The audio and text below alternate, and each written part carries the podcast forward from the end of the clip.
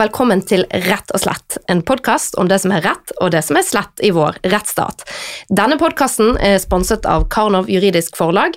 Mitt navn er Katrine Holta, og jeg er strafferettsforsker på Politihøgskolen. I de senere år så har flere klimaaktivister og andre utført eh, en rekke sivile ulydighetsaksjoner. Vi snakker her om fastlenking til tog som frakter flybensin, fastliming til galleriet på Stortinget under spørretimen, sperring av oljeterminaler, skiturer på bar asfalt i Buksaveien, kjør sakte-aksjoner mot bompenger, demontering av bomstasjoner og salgsbod med hasj foran politihuset. Og en tidlig septembermorgen i 2021 så ble morgentrafikanter kraftig forsinket til jobb fordi aktivister fra eh, organisasjonen Extinction Rebellion la seg rett ned i veibanen utenfor Slottet. Og sånn sperret de trafikken i begge retninger i en og en halv time. For eh, ordens skyld så hadde disse aktivistene da lenket seg sammen med rør og stålstenger, sånn at politiet de måtte finne frem verktøyene for å få de bort. 54 klimaaktivister tilbrakte da resten av dagen på glattcelle. Denne saken havnet til slutt på Høyesteretts bord, som fikk oppgaven med å avgjøre hvor mye ulemper omgivelsene må tåle av hensyn til demonstrasjonsfriheten. I dag så stiller jeg et spørsmål som kanskje mange lurer på. For har vi egentlig ekte demonstrasjonsfrihet når klimaaktivister havner bak lås og slå? Og hvorfor er det egentlig sånn at noen blir arrestert for sin viktige kamp for klima, mens andre, som for eksempel Sian, som har lite aktverdige formål, blir beskyttet med fullt politioppbud? I studio så har jeg med meg eh, Extinction Rebellions forsvarer, Aurora Gelmøyden. Hun har nylig byttet jobb, men representerte Extinction Rebellion gjennom hele prosessen fra tingretten til Høyesterett. Velkommen til Rett og slett. Tusen takk. Kan du starte med å forklare oss hvem er egentlig Extinction Rebellion? Ja, Extinction Rebellion det er en eh, internasjonal klima- og miljøorganisasjon som arbeider for å stanse klimakrisen.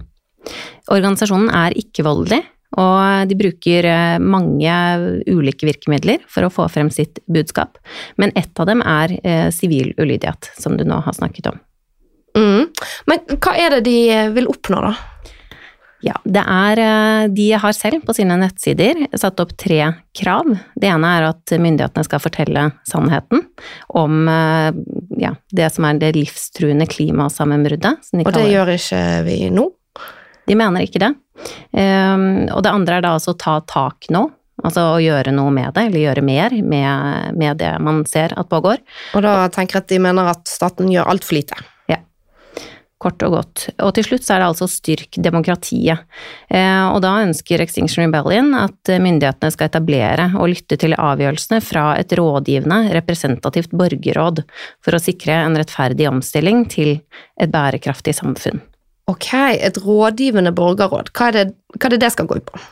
Ja, der tror jeg ikke jeg er riktig person til å gi alle detaljene, men det er vel et ønske om eh, en annen eh, vei inn til myndighetsbeslutninger utenom de alminnelige valgene og på en måte gjennom de prosessene vi ellers kjenner til med ja, ja, okay. alminnelige demonstrasjoner og skrive innlegg og den slags. Jeg skjønner. Uh, og hvilke virkemidler er det egentlig Extinction Rebellion tar i bruk? Det er egentlig alt mulig. De holder foredrag, de skriver eh, artikler og kronikker, eh, og så er det dette som har fått ganske stor oppmerksomhet, og det er nettopp denne typen demonstrasjoner som da gjerne omtales som sivil ulydighet. Mm. Eksempel veiblokader, som har vært brukt i mange store europeiske byer, og som nå også har vært brukt en god del i Norge, da. Ok, og hvorfor bruker de disse virkemidlene? Det er for å skape oppmerksomhet om uh, situasjonen, eller om deres budskap. Ja. Mm. Ok, um, vi skal komme litt tilbake til uh, høyesterettssaken og sånn etterpå, men jeg har uh, også med meg en annen gjest i studio i dag. Uh, det er Kai Spurkland, som er min kollega på Politihøgskolen. Han har vært med i denne podkasten før, i episoden om hva politiet gjør under krig. Han er forsker på deltid på Politihøgskolen, han er jurist, og dessuten så jobber han eh, med tittel politiinspektør i Oslo politidistrikt, der han blant annet arbeider med spørsmål om demonstrasjoner. Velkommen også til deg. Takk. Og da egentlig eh, kan vi bare starte med eh, spørsmålet hva er sivil ulydighet, siden dette eh, begrepet kom på bordet her nå nettopp? Ja. Sivil ulydighet handler om å markere, gjennomføre en politisk markering ved bevisst å bryte loven. Eh, ha det skillet mellom bevisst og utilsiktet er litt viktig, eh, for det er et eh, litt avgjørende for hvilket rettslig handlingsrom bl.a. politiet har, og hvordan slike aksjoner skal møtes. For veldig mange demonstrasjoner og andre politiske markeringer vil medføre lovbrudd uten at det er hensikten eller tilsiktet. Altså Et vanlig fakkeltog det er sperre trafikken, det er bruk av åpen ild hvis det er et fakkeltog, i strid med bålforbudet, og det kan skape støy som vi ellers ville slått ned på. Men Det er ikke det som er hensikten, men det er en bien konsekvens av at man ytrer seg. Og ja, der, så for eksempel ja. Eh, Lucia-toget. Hvis det går eh, ut i gatene og ender opp med å stoppe trafikken, så på en utilsiktet måte. Ja, politiet griper sjelden inn mot Lucia-tog. Ja. ja. Mm. Men, og her er et skille mot det å altså Hvis noen sperrer trafikken fordi Eh, hvis du har et demonstrasjonstog, eh, du, må gå et sted, og hvis da bilene må vike for det, så er det en utilsiktet eh, konsekvens som man må ha ganske stor toleranse for. Men hvis man legger seg ned i veibanen for å sperre trafikken og for å ytre seg på den måten, så er vi over i sivil ulydighet, og da endrer også liksom, det rettslige bakteppet seg eh, en del. Ja, fordi sivil ulydighet er jo nettopp å gjøre ting som er ulovlig. Men så er det jo ikke nødvendigvis sånn at det er ulovlig når alt kommer til alt. Ikke sant? Altså, du har eh, sivil ulydighet i, i, utgangspunktet ulovlig, men så kan det være likevel lovlig i kraft av eh, demonstrasjonsfriheten eller ytringsfriheten osv. Ja, og det er, jo, det er, jo, et spørsmål om hvor langt altså det å bevisst begå straffbare handlinger for å få fram et budskap, eh, hvor langt kan man gjøre det før, du, før, det regnes som straffbart og skal behandles med enhver annen eh, straffesak? Og denne klimaaktivistdommen, som det nå heter, er jo med på å trekke opp litt av grensene for det. Og så er det en del spørsmål den lar være ubesvart også, som eh, vi som jobber i feltet hadde kanskje håpet at Høyesterett hadde kommet litt mer inn på. Ja, og det må vi komme tilbake igjen til utover i episoden. Men uh, Aurora, vil du eh, forklare litt for lytterne rett og slett hva Extinction Rebellion egentlig gjorde i denne saken? Ja, Eh, nå har du allerede fortalt at eh, det var, eh, det var altså september i 2020, ikke i 2021, denne oi, demonstrasjonen. Oi, oi. Mm. Men, men da var det omtrent da 54 personer som, som la seg ned i flere kryss like nedenfor Slottet i Oslo og blokkerte dermed den veien som går nedenfor Slottet, ned mot Karl Johan der. Politiet eh, kom til stedet og eh, var ganske raske med å bortvise, altså gi pålegg om å flytte seg til eh, demonstrantene. Og da demonstrantene ikke etterkom disse påleggene, så ble de i løpet av kort tid pågrepet. Og det betyr i praksis at man skar opp disse rørene som du fortalte at flere hadde festet seg med i armene, og, og bar dem inn i ventende politibiler, og så ned i sentralarresten på glattcelle. Og der ble de holdt. Nå har jeg ikke alle, alle tallene, det var jo totalt da 54 personer. Men, eh, men, de ble holdt, eh, disse to som endte opp i Høyesterett, de satt vel i mellom 12,5 og 13,5 timer pågrepet. Det er lenge. Det er eh, absolutt lenge. Hva er grunnen til at de satt så lenge? Ja, der er det nok litt uenigheter hva skal man si, jeg opplever vel at eh, tingretten, basert på en forklaring som ble gitt der, sier at det i stor grad var snakk om praktiske hensyn. Det, det politiet gjorde, var at de skrev ferdig foreleggene, altså bøtene, til eh, demonstrantene mens de satt på glattcelle. Og i tillegg til å skrive bøtene, eh, så, så ble de også stevnet til rettssaken da de forlot, eller den ja, før de ble sluppet ut, da. Så du mener det var papirarbeid, rett og slett? Det var papirarbeid. Eh, og jeg var ikke til stede der, og vet jo ikke akkurat hvordan dette foregikk, men det er i overkant lang tid, eh, mener jeg, for eh, denne typen lovbrudd. Og som et eksempel så kan man si at hadde de vært innbrakt, altså plassert på glattcelle, pågrepet og plassert på glattcelle etter det som heter politiloven i stedet for straffeprosessloven, så ville det vært en makstid på fire timer men Mm. her endte man da opp i det tredobbelte. Eh, Så det syns jeg eh, er svært lenge, eh, og det er vel et av de punktene som eh, i hvert fall jeg syns har vært skuffende lite berørt i rettssystemet, da. Men Ikke det, sant? Mm. Mm. Og da, Kai, altså her er man da inne på et skille mellom politiloven og straffeprosessloven, som da også følger et skille i jussen mellom eh, på en måte forvaltningssporet eller politiordenssporet og straffesporet. Vil du si litt om forskjell på disse to sporene? Jeg, jeg tror ikke vi skal gå så langt inn på det, fordi da må vi ha en egen podkast til det, å snakke det er om det det. ikke tid til, så veldig kort. Men, men eh, jeg er helt enig med Aurora at eh, det spørsmålet ble tatt litt for lett på i, i Høyesterett for betydningen av at de satt så lenge. Eh, hvordan, hvilken rettslig betydning det skal ha, det vil avhenge veldig av om på den ene siden var nødvendig fordi man fryktet nye aksjoner, eller om det var nødvendig fordi det var så mange innbrakte at man ikke var i stand til å håndtere det med tanke på registrering og alt det som papirarbeid som nødvendigvis følger med, eller om det var fordi man ville det som tingretten la til grunn, skrive ferdig foreleggene og få forkynt da eh, stevningene for de som ikke vedtok foreleggene, for da skal de bringes inn for, for tingretten. Eh, det siste er ikke i tråd med straffeprosessloven. Det å holde dem en stund hvis man frykter nye aksjoner, hvis det er velbegrunnet, så er det i tråd med straffeprosessloven. Og det at ting tar tid for det er veldig mange, det er strengt tatt ikke lov, men det er det på en måte en viss aksept for når man får plutselig 50 stykker i fanget. Så, og her, dette er ikke, var ikke godt nok opplyst hva som egentlig var grunnen, og det kunne man gjort, for det kunne hatt konsekvenser for resultatet. Mm. Og da begynner det kanskje å bli klart for lytterne også at eh, Extinction Rebellion tapte saken i Høyesterett.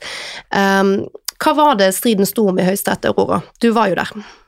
Ja, Um, striden sto om altså Før jeg sier det, så vil jeg bare si at da de ble løslatt, disse demonstrantene, om kvelden så ble de også bortvist fra Oslo sentrum, uh, som kom da 12-13 timer etter de var pågrepet, så fikk de ikke lov til å oppholde seg i Oslo sentrum til morgenen etter.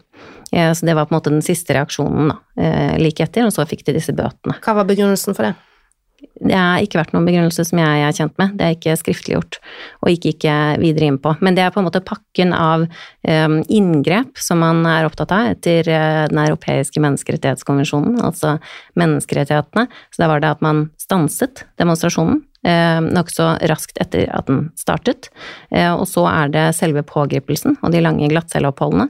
Så er det bortvisningen fra Oslo sentrum til morgenen etter, og så er det disse bøtene til slutt. Så det var på en måte Spørsmålet var om disse eh, fire inngrepene samlet sett var eh, uforholdsmessige, altså var på en måte for mye sett i lys av den forstyrrelsen og det de gjorde da de lå i veien da, og blokkerte veien. Kai, vil du bare helt kort forklare hva som ligger i bortvisning som en rettslig reaksjon? Bortvisning er egentlig ikke en rettslig reaksjon, det er et, et politioperativt tiltak, som det heter i, i vår språkbruk. og Det handler rett og slett om at eh, politiet sier til noen at du må gå fra stedet og får ikke komme tilbake på x antall timer. Og det gjøres for å ivareta typisk ro, orden og, og sikkerhet. Så det gjelder alt fra fotballsupportere til eh, aksjonister som eh, driver med sivil ulydighet. Ja, og her har man kanskje tenkt at en far for at de gjør noe på nytt, da. Ja, det er det som, eh, Hvis man har en tilstrekkelig grunn til å tro det, så vil en slik bortvisning kunne være eh, fullt lovlig, men det vet vi for lite om i denne saken. Og hva er det som skjer hvis man da kommer inn i Oslo sentrum til tross for bortvisningen? Ja, da vil det være et brudd på et pålegg fra politiet som dette, og det kan man også bli bøtelagt for. Så det er straffbart, da. Ja. ja. Ok, Aurora, da kan du få fortsette med Ja. høyesterettsdommen. Ja, hva, så, Hva som altså- skjedde der. Ja, og skal jeg si kort hvordan prosessen var opp gjennom systemet først? Ja, det kan du gjøre. Ja, for denne saken startet i Oslo tingrett i, jeg mener hovedforhandlingen var i desember eh, 2020, noen måneder etter demonstrasjonen. Og da ble resultatet, altså da ble det også påstått at eh, reaksjonene samlet var uforholdsmessig, sett i lys av hva demonstrantene hadde gjort. Så de ble domfelt. Eh, De fikk bøter på 13 000 kroner der, I tingretten, da. i tingretten. Ja, så Eh, de så ikke så mildt på Extinction Rebellion sin aksjon. Det kan du si, men de hadde gått ned fra det politiet ønsket at de fikk. Så det var et stykke lavere. Og så eh, ble dette anket av demonstrantene til eh, lagmannsretten, og da anket man både om de var skyldige, altså om de skulle straffes, eh, og også hvor stor straffen eventuelt skulle være. Og her er det da straff for ordensforstyrrelse og for å ikke etterkomme pålegg fra politiet da, om Ja. å flytte seg, som er de strafferettslige spørsmålene i dette. Ja, det stemmer. Så ordensforstyrrelsen besto i eh, selve demonstrasjonen og hva som foregikk, og dette nekte å etterkomme pålegget var da at politiet ba om at eh, demonstrantene flyttet seg, og at de ikke gjorde det. Så det er de to til sammen, og så mm, endte det med at det spørsmålet om hvilken straff de skulle få, det ble behandlet i lagmannsretten, skriftlig behandling der, og så mm, Var det av covid, eller? Det var rett og slett at man anså det som en hensiktsmessig fremgangsmåte, når det var eh, så begrenset hva som skulle tas stilling til. Um, og så økte lagmannsretten eh, bøtene. Ja, for de skulle bare ta stilling på, til størrelsen på bøtene, det var det eneste de slapp inn. Ja, eller straffeutmålingen. Ja, Ja, så her kan vi jo også merke oss eh, bare sånn apropos ankesystemet som eh, har blitt eh, innsnevet de senere årene, at vi, det er ikke så mange saker som får full toinstansbehandling lenger. Nei. Og her, um, her, ja, her var det jo litt interessant, fordi denne ah, saken fra lagmannsretten ble da anket videre til Høyesterett av demonstrantene igjen. Og um, da ble det anket ikke bare over reaksjonsfastsettelsen, altså botens størrelse, men også over lovanvendelsen under skyldspørsmålet, altså om, eh, om de skulle straff, nettopp, om de Ja. skulle straffes. Så alt det var til behandling i Høyesterett.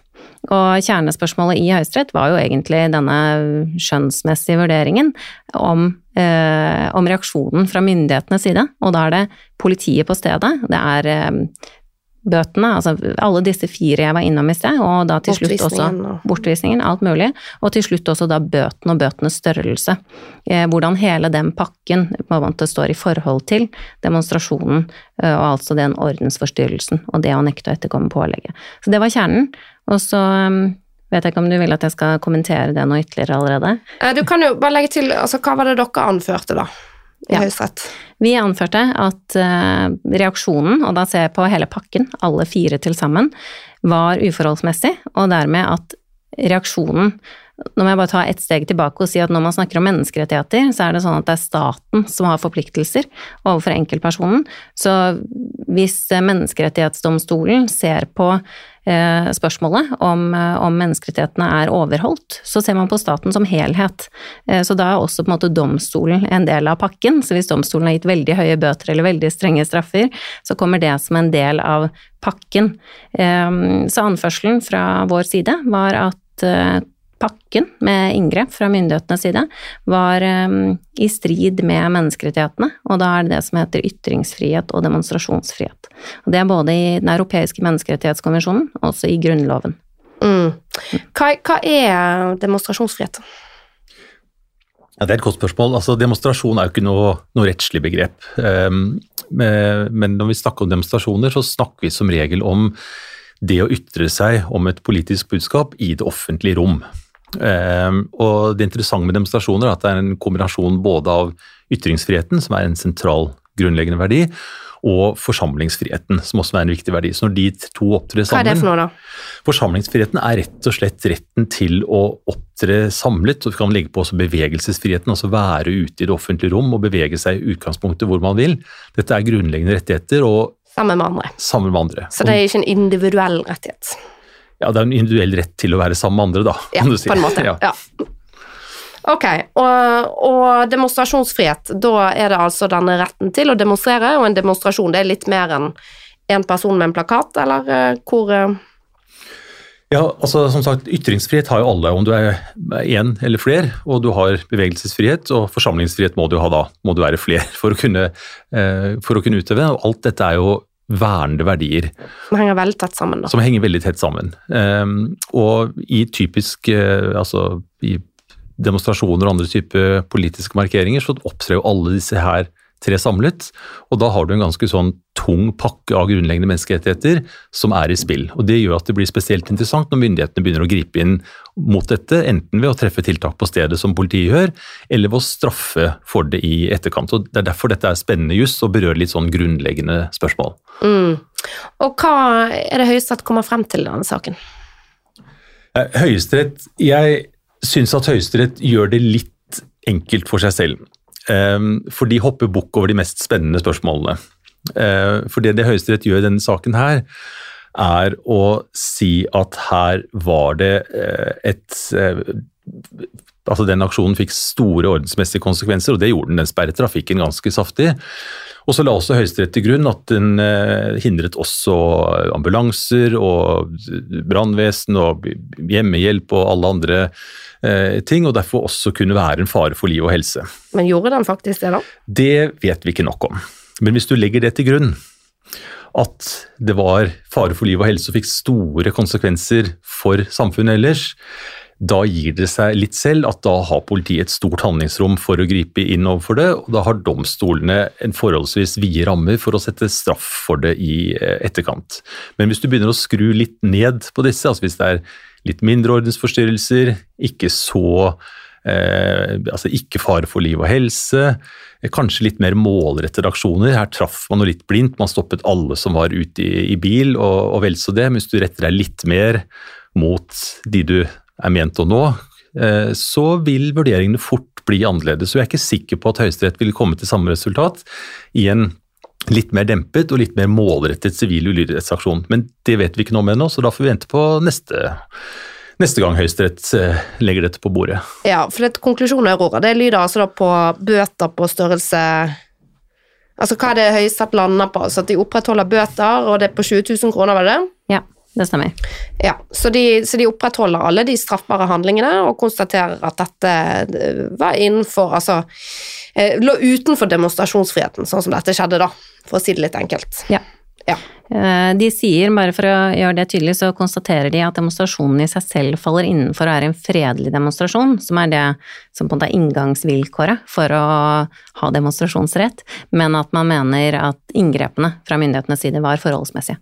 Ja, Så demonstrasjoner som ikke er fredelige, de er i utgangspunktet ulovlige. Ja, og Det er et litt sånn viktig skille, fordi eh, det som er vernet, er da å, å fredelige demonstrasjoner. Og så kan du få et spørsmål hva er egentlig en fredelig demonstrasjon? Og det å eh, eh Altså en sivil ulydighetsaksjon, som jo er villede, bevisste lovbrudd, det vil eh, omfattes av en foreldredemonstrasjon så lenge du ikke er tyr til vold og skadeverk eh, og den type ting. Og Da kan du supplere det at det Menneskerettighetsdomstolen også har sagt, at en demonstrasjon hvor noen enkeltpersoner begynner å begå lovbrudd, så vil fortsatt demonstrasjonen være en fredelig demonstrasjon hvis ikke det er en del av arrangørens plan. Så hvis noen enkeltpersoner begynner å kaste stein og, og sparke i biler, så er det fortsatt en fredelig demonstrasjon, med mindre det var arrangørens plan fra starten. Og da er det fortsatt lovlig? Da det fortsatt, har fortsatt et vern. Mm. Mm. Og, hva, og, og, og da Hvor mye skal til før man da kommer over i en ulovlig demonstrasjon? Altså begrep, jeg er ikke så veldig glad i begrepet ulovlig demonstrasjon, fordi det å demonstrere det er en grunnleggende eh, rettighet, eh, og den har du i behold eh, inntil du gjør noe som er tradisjonelt straffbart, altså vold og skadeverk. Ja, Så det er egentlig ikke demonstrasjonen man straffer? Nei, det er ikke demonstrasjonen. For det, det, å ytre seg med vold og skadeverk, det er aldri lov. Å tenne ja. på andres ting og slå ned andre fordi du mener noe om dem, det er jo en veldig sånn tydelig måte å ytre seg på, men det er ikke en ytring som har noe vern. Jeg tror det er egentlig en viktig begrepsmessig skille, da. Å holde fast ved at demonstrasjoner alltid er lovlig, men hvis du begår vold og sånn, så der som ellers, så kan du straffes. Ja. ja. Mm. Ok, um, Aurora, hva um hva synes du om eh, argumentasjonen til Høyesterett? Ja, eh, det der har jeg veldig mye å si. Mm -hmm. Så jeg, jeg, skal, jeg, skal, prøve å begrense meg. Men eh, jeg kan starte med å kommentere det dere var litt innom her, dette med liv og helse. For det mm, snakker Høyesterett litt om, eller skriver Høyesterett litt om, at når det er fare for liv og helse, altså når demonstrasjonen skaper fare for liv og helse, så kan man gripe inn raskt. Og det sier seg også litt selv, det hører man litt, at hvis det er liv og helse, så er det alvor. Så da kan man gripe inn. Um, I denne saken så står det rett ut at det er opplyst at det ikke skjedde. altså at at eh, ingen utrykningskjøretøy ble hindret.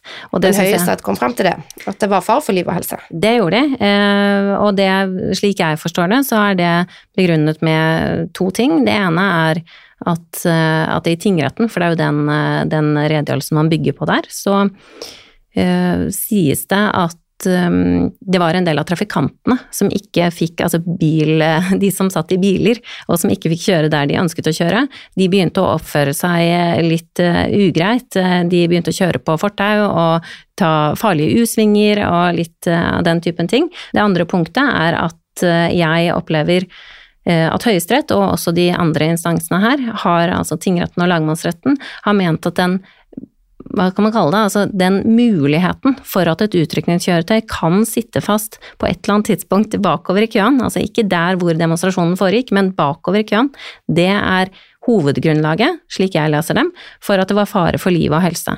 Og der er det litt viktig for meg å si at um, Extinction Rebellion, i hvert fall i denne demonstrasjonen, og så vidt jeg vet også i eh, mange andre demonstrasjoner, har en politikontakt som holder kontakt med politiet, informerer om når demonstrasjonen starter.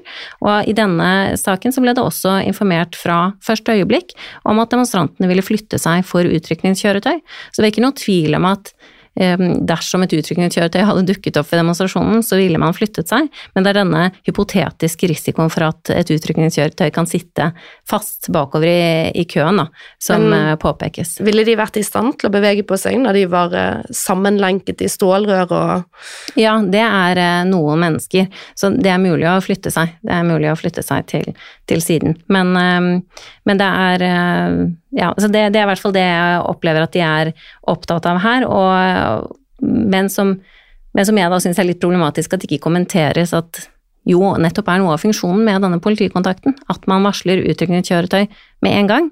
Og det ble også gjort i denne saken, slik at man vet at ingen ble sittende fast. Ja, Så du er uenig i måten Høyesterett legger vekt på det begrepet, da? Eller på det momentet? Ja, jeg mener i hvert fall at det gir ganske liten veiledning, fordi hvis dette er risiko for liv og helse, så, um, så lurer jeg på en måte på hvor grensen går, når, når situasjonen var som den var her. Mm. Ja, så jeg syns den man, man, man, strekker det begrepet ganske langt, mener Men, jeg. Kai, uh, Høyesterett gjør jo et poeng ut av at uh, denne aksjonen ikke var varslet på forhånd.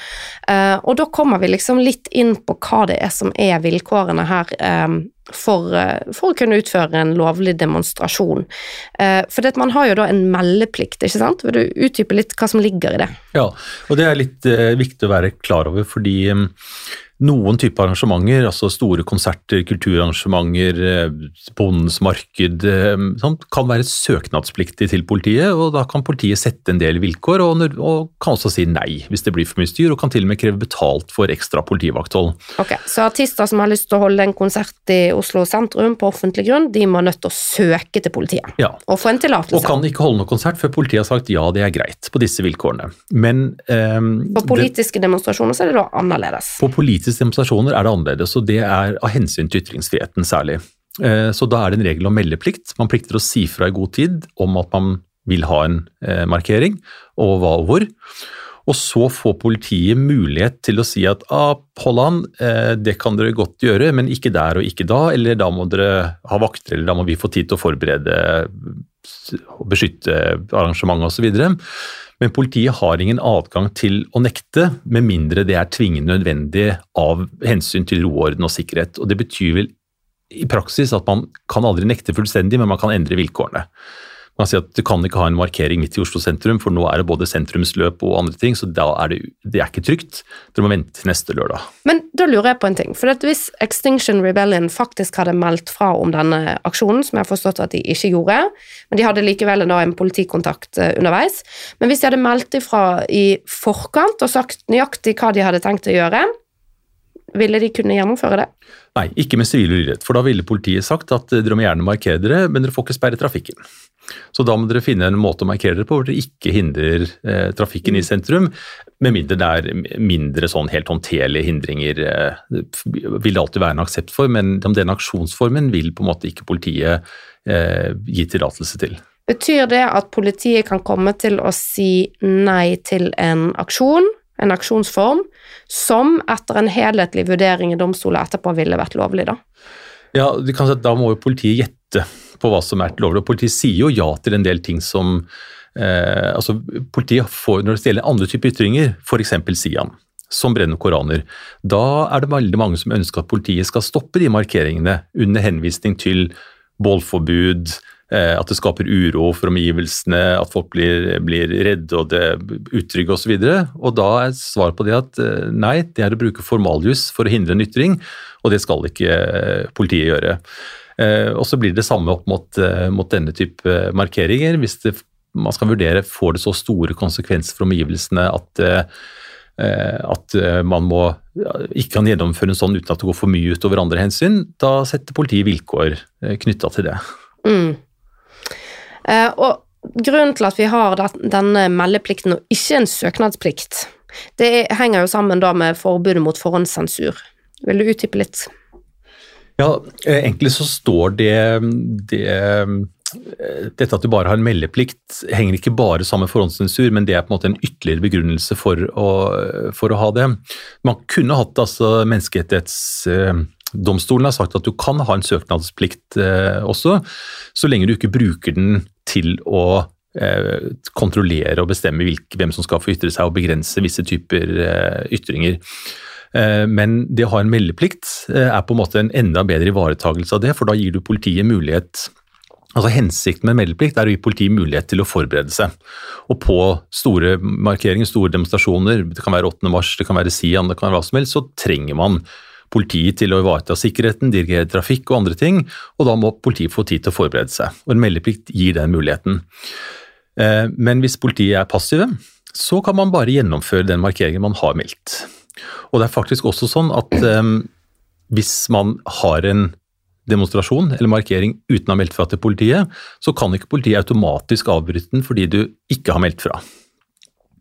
Du må ha en god grunn til å gjøre det, men man vil oftere ha en god grunn fordi når politiet ikke har fått mulighet til å forberede seg, så vil det oftere oppstå kaos, og dermed være raskere bli et grunnlag for å avbryte den. Men det er veldig, veldig mange eksempler på at vi får sånn punktdemonstrasjoner. Det skjer et eller annet, noen eh, tropper opp foran ambassade og, og med banner og, og, uttrykker sin misnøye og, uten å ha meldt fra til politiet. Og politiet kommer til stedet og ser dette går fredelig for seg, da kan dere fortsette. Men runda i løpet av en time. Fordi, eh, så det er en veldig vanlig, vanlig måte. Men hvis du skal ha en veldig risikofylt markering, en veldig stor, provoserende budskap som man risikerer steinkasting og, og slåsskamp, da vil politiet si at dette må dere melde fra om, vi trenger god tid til å forberede oss. Så kom dere hjem, send oss et brev, og så skal dere få vite hvor, når og hvordan det skal skje. Mm. Og disse vilkårene, sant. Altså man kan jo tenke seg det at altså når det, politiet har anledning til å stille vilkår til hvordan man skal gjøre ting, så kan jo det høres ut som at man ikke har full demonstrasjonsfrihet. Nei, og Man har jo ikke full demonstrasjonsfrihet heller, fordi retten til å ytre seg og retten til å, å være i det offentlige rom og ytre seg, den må balanseres mot, mot andre hensyn. Mm. Så, eh, så, det gjelder på samme måte demonstrasjonsfrihet som at ytringsfriheten også har sine rettslige ja, grenser? Ja, som enhver annen rettighet. Så skal man finne da eh, a fair balance, som eh, Menneskerettighetsdomstolen sier, mellom ytringsfrihet og forsamlingsfrihet, og andre hensyn som kan bli skadelidende. Mm. Aurora, hvordan, altså denne saken fra Høyesterett, altså hvordan står den seg opp mot menneskerettighetene, syns du? Um, det er, det er um, ja. Det spørsmålet er eh, selvfølgelig vanskelig å svare på, men um, jeg mener at det er flere spørsmål som er uavklarte etter høyesterettsavgjørelse, og at de på flere punkter har uh, tatt veldig lett på spørsmålene, uh, ikke gått, gått, i dybden, rett og slett. Um, så, så, jeg savner en grundig vurdering. Jeg savner også en vurdering av um, selve denne frihetsberøvelsen som vi har vært inne på, uh, hvor langvarig den var, og uh, begrunnelsen for den. Så um, ja, det er uh, usikkert. Det er ikke Det har ikke vært noen saker som denne i Menneskerettighetsdomstolen, men denne saken er nå klaget inn til Menneskerettighetsdomstolen. Så da får vi se om de benytter seg av muligheten til å prøve det. Ja, for Menneskerettighetsdomstolen får ganske mange klager, og de kommer til å sile hvilke saker som de ja, Altså de må sile hvilke saker som de behandler, men vi kan jo da håpe på at de får en ny rettslig prøving der, da. Mm. Men jeg kan eh, bare følge opp én ting litt, fordi eh, det er jo litt sånn fristende å snakke om lovlige og ulovlige demonstrasjoner, og det faller man ganske lett tilbake til. Og jeg er enig med, med Kai og for det du også sa, Katrine, at det er en ganske uheldig begrepsbruk her. For det man bør snakke om er altså en fredelig demonstrasjon, om man faller innenfor eller utenfor.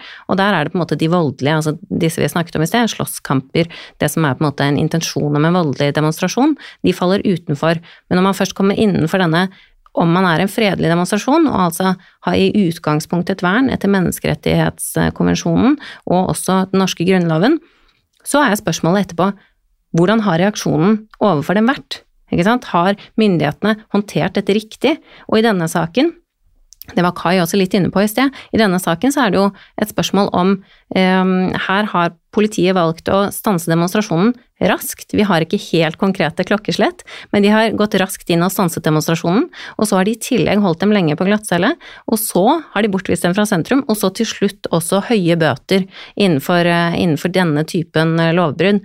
Så et interessant spørsmål her er jo og som man kunne ønsket seg at uh, Høyesterett kanskje ga litt mer veiledning på, vil jeg tro, eh, også for politiet, er på en måte hvor eh, går den balansegangen? Altså man kunne se for seg at hvis man benytter seg av de politioperative virkemidlene og stanser demonstrasjonen raskt og pågriper demonstrantene, så kan man kanskje ikke gå så langt i store bøter.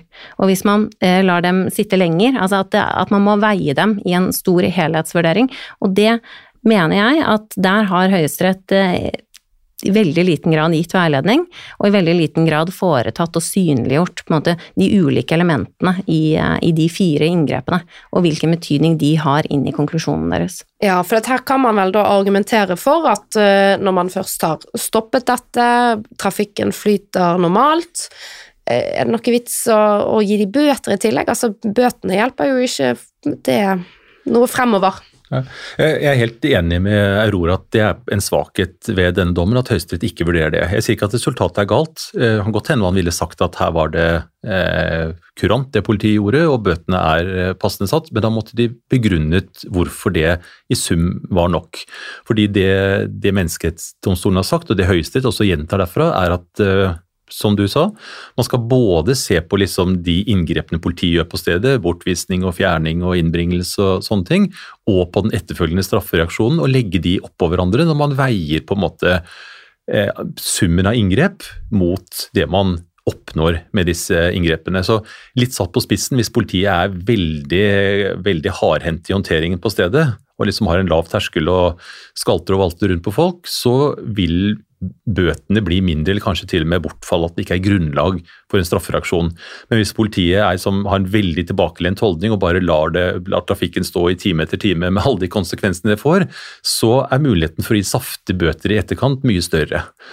Og det, den, dette spørsmålet hopper Høyesterett litt over. Ikke er jo, nødvendigvis betyr at resultatet er galt, men de burde begrunnet, drøftet det og begrunnet det bedre. Dette er jo prinsipielt sett veldig interessant, fordi at bøtene er jo gitt med et pønalt formål. Altså de skal ha en straffende eh, straffeeffekt, ikke sant. Det skal være stigmatiserende og kjipt og tilsiktet onde og alt det her som man snakker om med straff. Eh, og, og det, det, er jo ikke nødvendig for å forhindre en, eller for å løse opp i disse problemene. Nei, og det, det har liksom bringe opp et sånt begrep, chilling effekt er et sånt begrep som brukes, nedkjølende effekt som, eh, på norsk. Da, og Det handler om eh, at når man vurderer særlig ytringsfrihet, og for så vidt forsamlingsfrihet eh, også, så, så sier Menneskerettighetsdomstolen at man skal se på om liksom, det staten gjør, både ved å straffe og ved å gripe inn på stedet, om det kan ha en nedkjølende effekt på lysten til å ytre seg for andre. Ikke for de aktuelle aksjonistene, men for andre. Så litt enkelt sagt, når folk ser på TV at oi, her blir du kasta på glattcelle, og så får du saftige bøter i etterkant, jeg tror ikke jeg tør å møte opp på neste demonstrasjon, for det vil ikke jeg risikere. Den effekten der, den skal også tillegges eh, vekt. Høyesterett er inne på spørsmålet men eh, gjør det igjen litt enkelt for seg selv ved å si bare at den, ved sivile ulydighetsaksjoner som denne, så er det en tilsiktet og ønsket effekt eh, av det. Eh, men jeg skulle gjerne sett en litt mer inngående drøftelse av det, for det skal ikke endre mye på faktum før den vurderingen kan slå helt annerledes ut. Mm. Uh, hva tenker du, Aurora, uh, ved denne dommen fra Høyesterett? Hvilke føringer legger den for fremtidige demonstrasjoner? Ja, den, jo, den, har jo på en måte, som vi har snakket litt om her, ehm, egentlig gitt litt få føringer. Den har eh, ikke Eller det den har gjort, er at den har strammet inn. Eh, det mener jeg den har. Den har vært streng, og den er tydelig på at, ehm, at den ikke mener at denne saken, altså Høyesterett er tydelig på at denne saken ikke er et grensetilfelle.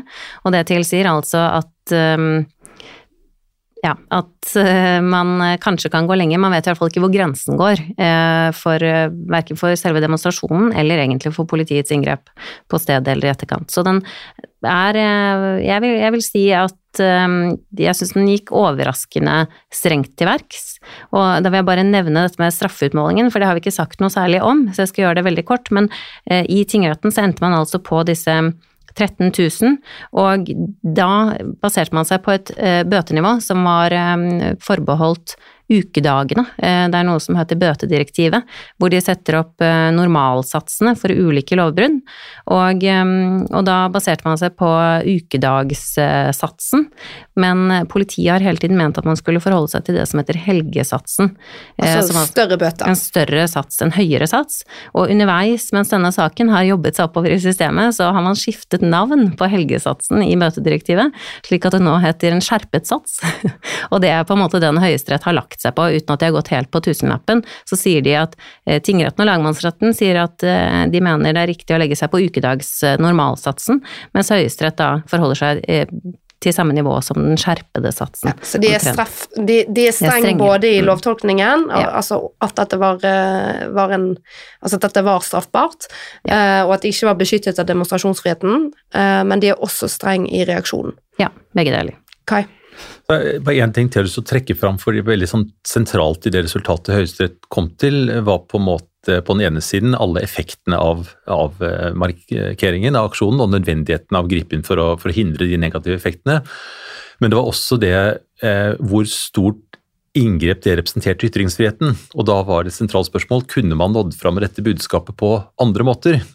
Og det sa Høyesterett et temmelig klart ja til at man trengte ikke legge seg ned veibanen for å nå fram med budskapet. Man hadde mange andre kanaler å gjøre det i, og viste også til andre aksjoner fra Extinction Rebellion som ikke medførte sivil ulydighet, som hadde fått vel så mye oppmerksomhet. Og en litt sånn eh, morsomhet egentlig fra, fra tingretten, at um, der trakk retten fram at en annen en annen aksjon fra Extinction Rebellion, hvor det hadde en toppløs dame satt foran Eh, var det Miljøverndepartementet, og fikk helt noe oljeaktig stoff over seg som en sånn symbolmarkering. Den hadde fått langt flere treff i sosiale medier enn denne omfattende sperringen av trafikken på Ring 1. Og da sa Høyesterett at nei, sa tingrett at her er det mange måter å få den samme oppmerksomheten på. Man trenger ikke legge seg i veien. Det er bare å ta av seg genseren, så får du like mye oppmerksomhet. Og dermed så var det ikke et så stort inngrep i ytringsfriheten. Det politiet gjorde. Oppfordring til blotting? ja.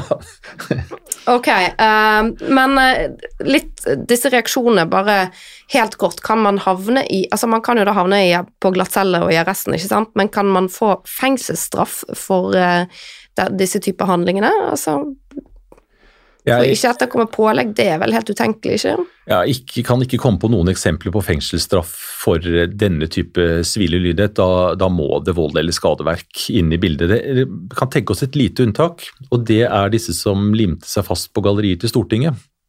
Ja, for det, da er det plutselig ikke et brudd på eh, disse vanlige litt sånn bagatellmessige straffebestemmelsene om ordensforstyrrelser og ikke etterkomme pålegg. Da er det plutselig brudd på en eh, langt alvorlig straffebestemmelse om å, om å, hindre de høyere statsmakters eh, arbeid. Så da kan man risikere å få fengselsstraff. Og de tidligere eksemplene vi har på brudd på den bestemmelsen, det er vel kakekasting på, på, statsråder, og det har endt med, i hvert fall når jeg tar det på husken, i hvert fall betinget fengsel for det, for en kakekasting. Ja, Noe du ikke du får fengsel for i andre sammenhenger, fordi det er en statsråd ja, da kommer du inn i et kjempealvorlig straffebud, det som også Laila Bertheussen ble dømt for. Ja. Som går på å hindre statsråder i sitt virke. Mm.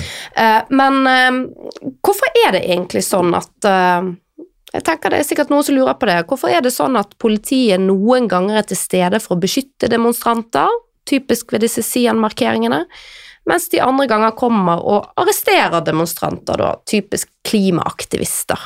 Ja, det, vi, det, strever vi litt med å forklare i politiet også når det blir spørsmål. Men for å forstå det, så må man se på liksom at politiet har ganske mange roller opp mot eh, politiske demonstrasjoner. Vi, politiet er saksbehandlere, altså man mottar meldinger og, og kan sette vilkår. og Det er liksom én oppgave. Så har politiet en plikt til å legge til rette for alle lovlige ytringer og beskytte de som ytrer seg så har man en tilsvarende plikt til å legge til rette for å beskytte de som ønsker å ytre seg imot de som ytrer seg. Så skal politiet samtidig ivareta den alminnelige ro, orden og sikkerhet i samfunnet. Og helt på tampen så skal politiet etterforske lovbrudd som måtte være begått under en markering, enten det er snakk om å kaste stein på politiet, eller at den som har hatt markeringen, har kommet med hatefulle ytringer, f.eks. Så det er liksom disse oppgavene som er litt sånn, eh, går i ulike retninger, kan gjøre at du får den litt absurde situasjonen at eh, La oss ta at noen, at en, eh, noen med Sian eller noen andre har en markering.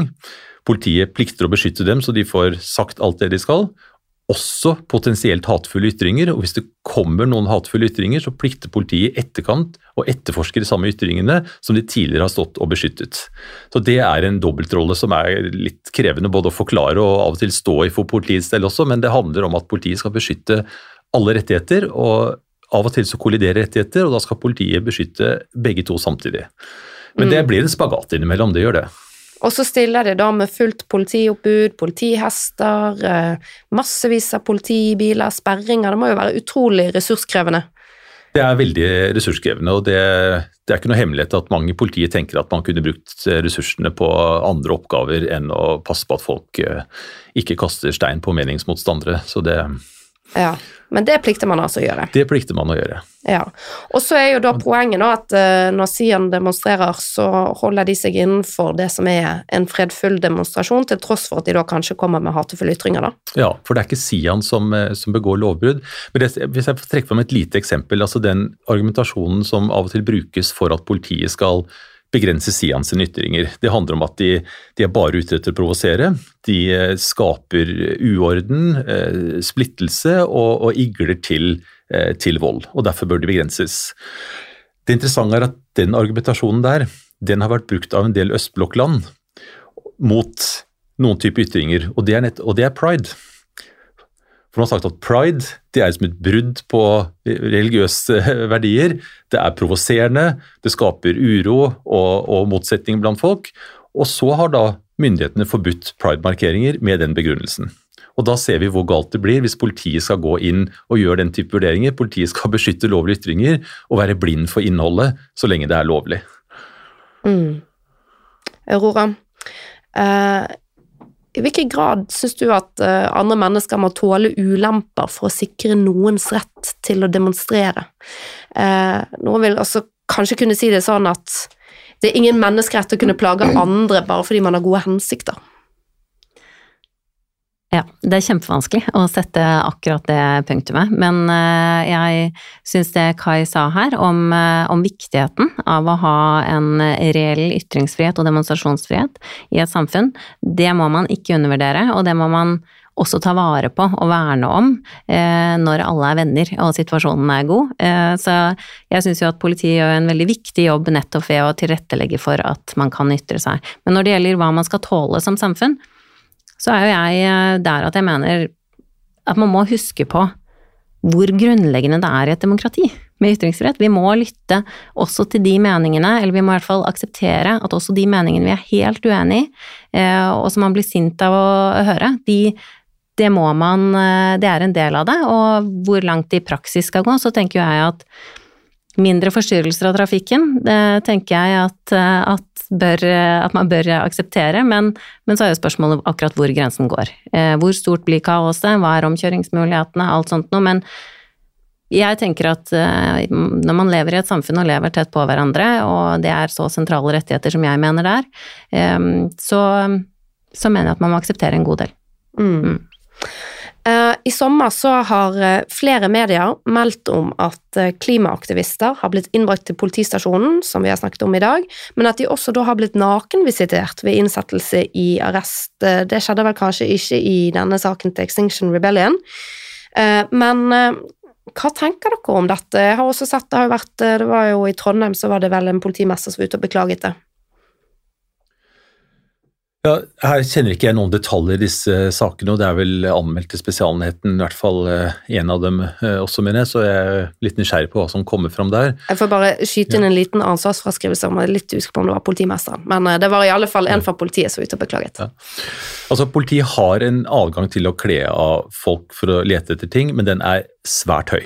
Altså Det skal være veldig gode grunner til for at politiet skal kle av noen, men, men disse grunnene fins. Man har noen som som skjuler farlige gjenstander i underbuksa og bh-en. Og for å finne det, så, så, må du av med de klærne. Men det skal gjøres på en veldig hensynsfull måte, og det skal være svært godt begrunnet. Og man skal også vise hvem som har truffet beslutningen, og hvorfor man har truffet, funnet det nødvendig. Um, jeg tror det, for mange så høres det helt sånn merkelig ut at man skulle mistenke klimaaktivister for å, for å ha våpen opp under, eh, ja. undertøy. Og Svaret på om det er lovlig, det kommer an på om man hadde en slik mistanke eller ikke. Det er ikke altså, eh, en vanlig overfladisk visitasjon, litt sånn flyplassvisitasjon, at du tar av deg jakka og banker litt på lommene. Det alle som blir tatt hånd om av politiet, plikter å gjennomgå en sånn. Men avkledning, da skal det være konkrete og tungtveiende grunner for å gjøre det. Så om det var til stede i disse sakene, det gjenstår å se. Det er, det er, i hvert fall ikke noe adgang til automatisk å gjøre det, fordi eh, man blir innbrakt av politiet for en, er det, en vanlig, er det vanlig at politiet faktisk finner farlige gjenstander oppi endetarmen til folk, liksom. Det høres veldig merkelig ut. Ja, Der har man ikke lov til å lete, men det er, det er overraskende ofte at eh, man finner farlige gjenstander. Ofte så handler det om personer, eh, psykisk ustabile personer, og det er faren for selvskading. Så det er ganske mange som, små kniver, ja. barberblad, ståltråd, tau som gjemmes eh, ja, godt, godt, igjen på kroppen. Så det er, ikke, det er ikke en helt teoretisk mulighet, men i hovedsak så dreier det seg om, om personer som er blitt på den ustabile siden. Ja, nettopp. Hva tenker du om dette, Aurora? Ja, jeg syns det er eh, jeg, jeg, har ikke konkret kjennskap til noen av de sakene. Det er vel i Tønsberg og i Trøndelag et sted at det har vært eh, en del i media om dette, og jeg forstår at de undersøkes av Spesialenheten, men ut fra medieomtale så syns jeg det er eh, veldig vanskelig å forstå at det kan ha vært behov for nakenvisitasjoner i disse sakene. Jeg regner med at politiet i år er kjent med at Extinction Rebellion driver med ikke-voldelig sivil ulydighet, eh, og at det sånn sett ikke er noen grunn til å på en måte mistenke denne gruppen med demonstranter generelt eh, for, for å være voldelige eller, eh, eller noe sånt. Men, men det sentrale som Kai også var innom, det er jo at disse vurderingene ja, politiet har muligheter, men disse vurderingene skal være helt konkrete. Da skal man vurdere konkret om det er risiko i denne situasjonen, altså for den personen du håndterer. Og her har det vært avklaring i norsk høyesterett de siste årene når det gjelder nakenvisitasjoner som har vært gjennomført helt rutinemessig på innsatte i norske fengsler i lang tid, eh, og som nå er konstatert at er i strid med menneskerettighetene. Så, så terskelen er høy, eh, og, og, det skal gjøres helt konkrete vurderinger. Og det skal gjøres, hvis man ender med å gjøre det, så skal det gjøres så skånsomt som mulig. Mm. Da har vi kommet til den avsluttende spalten i denne podkasten, og jeg lurer på om du, Kai, vil starte med å fremheve noe du synes er rett eller slett i vår rettsstat. Du har vært med på dette før, men du får selvfølgelig en ny mulighet. Ja, og takke for den. Jeg syns egentlig at det er eh, grunn til å framheve det vi har snakket om i dag, som et område hvor det er mye som er rett. Det. Altså, hvis vi sammenligner med også land som vi liker å sammenligne oss med, så, så, er det rommet for å ytre seg og måten man ytrer seg på, og faktisk også toleransen for andres eh, ytringer og hvordan man ytrer seg imot, den syns jeg er, er, jevnt over god i Norge, og at også myndighetene nå eh, stort sett har en, en, fornuftig håndtering av dette. I hvert fall hvis vi sammenligner med, med veldig mange andre. Og også, jeg må si, også mye organisasjoner og folk som ytrer seg, holder seg i skinnet, ytrer seg på gode måter inngår i samarbeid, tolererer eh, andre. og det er, så jeg tenker Den siden av det norske samfunnet, den, eh, den kan vi være fornøyd med. Mm. Og da, Aurora, som en eh, rettspolitisk engasjert forsvarer, så regner jeg med at du kommer med noe som er slett? det stemmer. Um, men jeg har, um, jeg har, selvfølgelig mye å velge mellom på, på den fronten òg. Jeg har valgt én ting som kanskje er litt mer um, overordnet, og det er den, eller det jeg ser på som den økte rettsliggjøringen av samfunnet. At livene våre, eh, alles liv egentlig, i større grad er gjennomregulert både på lovnivå og forskrifter, og eh, det er internasjonale jus, det kommer EØS-regler, det er masse vanskelig system. Språket er vanskelig tilgjengelig, og kildene er på steder du må ha tilgang til, eh, som man normalt ikke har hvis man ikke har juridisk utdannelse og jobber med det. Så jeg, og på, på toppen av dette så innebærer denne rettsliggjøringen at ganske mange mennesker eh, faktisk må ha eh, profesjonell juridisk bistand for å orientere seg eh, om rettighetene sine og om hverdagsting, rett og slett. Og i dag er advokat kjempedyrt privat, og det lille, de få som får advokat betalt av staten, og det er et altfor få mennesker som får. Jeg er redd for at den situasjonen gjør at, eh, at man på en måte eh, ja, hva kan man si, at befolkningen eh, føler en stor avstand til regelverket og til rettsapparatet. Et slags utenforskap? Ja, og at man ikke nødvendigvis får rett, selv om man har rett. Så jeg syns den eh, utviklingen og, eh, og, på en måte potensialet for at de rike har rett, de som har råd til advokat, og de som ikke har råd til å bruke penger på det, ikke eh, får den informasjonen og vet hvordan det står seg, den utviklingen er jeg redd for. Mm. Mm, jeg er så enig. Jeg tenker Jeg har skrevet det før i kronikk og sikkert sagt det før i podkasten òg, men det er vel knapt noe sted der forskjellene mellom fattig og rik i Norge er større enn i rettsapparatet. Hvis jeg kan få lov til å legge til en ting som er slett også, så vil jeg bare henge meg på ja, Aurora.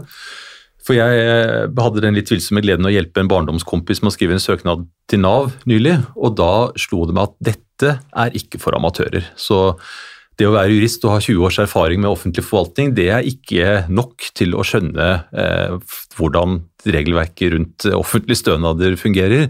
Og da de som verken er jurister eller, eller, har overskudd til å gå løs på det, da møter man noe som er stort og voldsomt, og det skaper urett. Det er jeg helt overbevist om. Ok, da er vi eh, kommet til endes for i dag. Eh, Tusen takk til dere som har lyttet eh, til oss. Husk å abonnere på denne podkasten, og så er jeg tilbake igjen om ikke så lenge med en ny episode om noe som er rett eller slett i vår rettsstat. Takk for i dag.